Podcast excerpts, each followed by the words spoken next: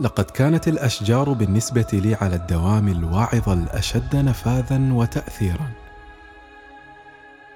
إني لأبجلها وهي تعيش في قبائل أو مجموعات أسرية في الغابات والبساتين. ويزداد تبجيلي لها في وقوفها منفردة. إنها أشبه ما تكون بالأشخاص المتوحدين. ولا أقصد النساك الهاربين من ضعفهم بل العظماء المعتزلين من البشر أمثال بيتهوفن ونيتشه. في أغصانها الأعلى سموقا يندفع حفيف العالم. بين تضرب جذورها في اللانهائي بيد أنها رافضة وقوفها العاجز هناك تناضل بكل ما في حياتها من عزيمة وقوة لبلوغ هدف واحد.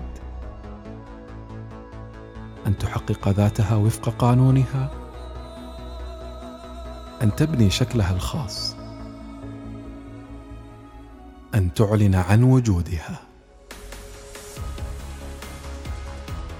وما ثمة أقدس ولا أجدر بالاقتداء من شجرة حازت الجمال والقوة.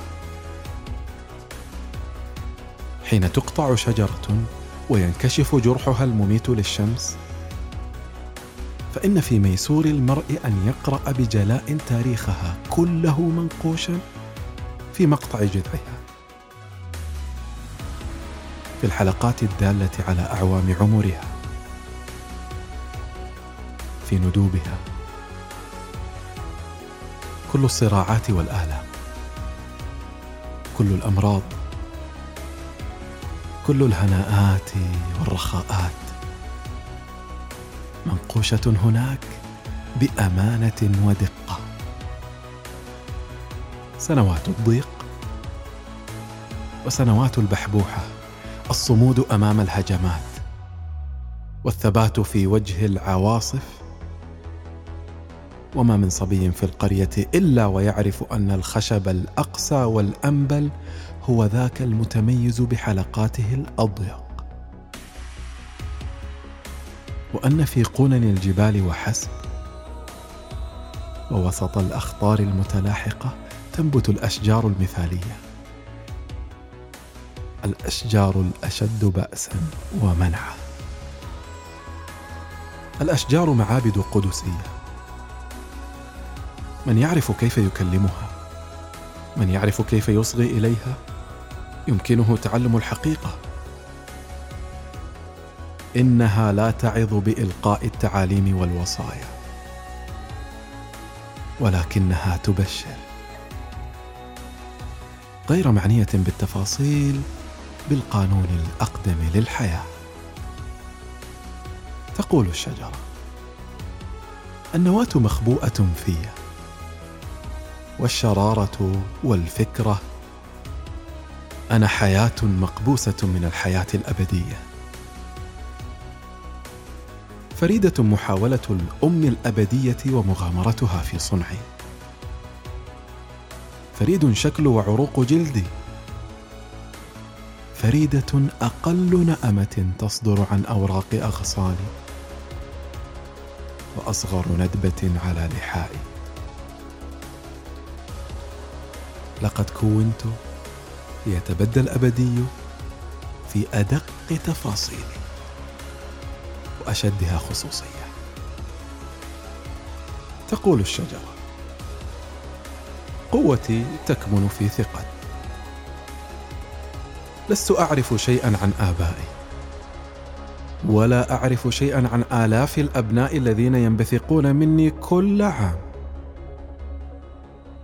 إنني أحيا بالسر المودع في بذرتي حتى أبلغ النهاية.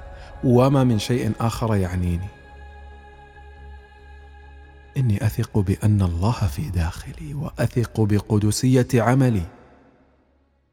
وبهذه الثقة ومن خلالها أحيا. حين تشتد وطأة البلوى علينا ولا يعود لنا من القدرة ما يجعلنا نحتمل المزيد من الحياة. فإن لدى الشجرة ما تقوله لنا. اهدأوا. اهدأوا. انظروا إلي. الحياة ليست سهلة وليست صعبة كذلك. تلك أفكار صبيانية وسخيفة. دعوا الله يلقي كلمته فيكم وستنمو أفكاركم في صمت. إنما يضنيكم هو أن دروبكم تقودكم بعيدا عن الأم والوطن. ولكن كل خطوة تخطونها وكل يوم يمر عليكم يعود بكم ثانية إلى حيث الأم. ليس الوطن هنا ولا هناك. إنه في داخلكم. أو لا وجود له البتة.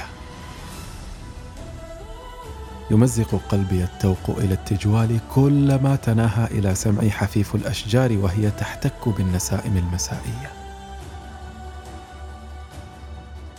لو أن احدا أطال الإنصات بصمت إليها لتجلى توقه ذاك عن جوهره ومعناه.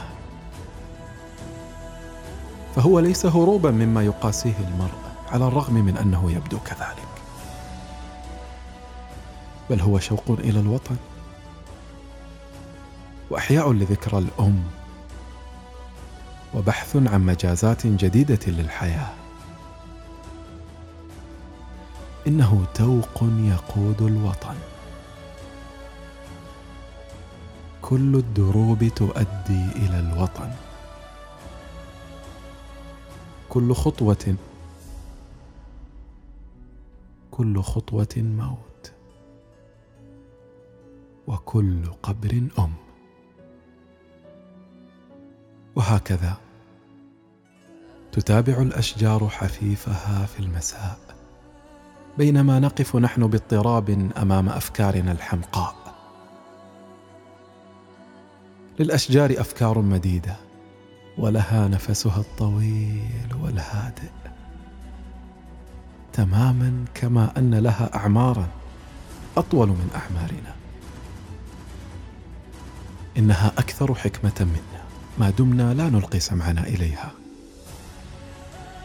ولكن عندما نتعلم كيف نصغي إلى الأشجار فإن الإيجاز والعجلة والطيش الطفولي لأفكارنا تحرز متعة لا تضاهى. ومن تعلم كيف يصغي إلى الأشجار لا يعود يبتغي أن يكون شجرة.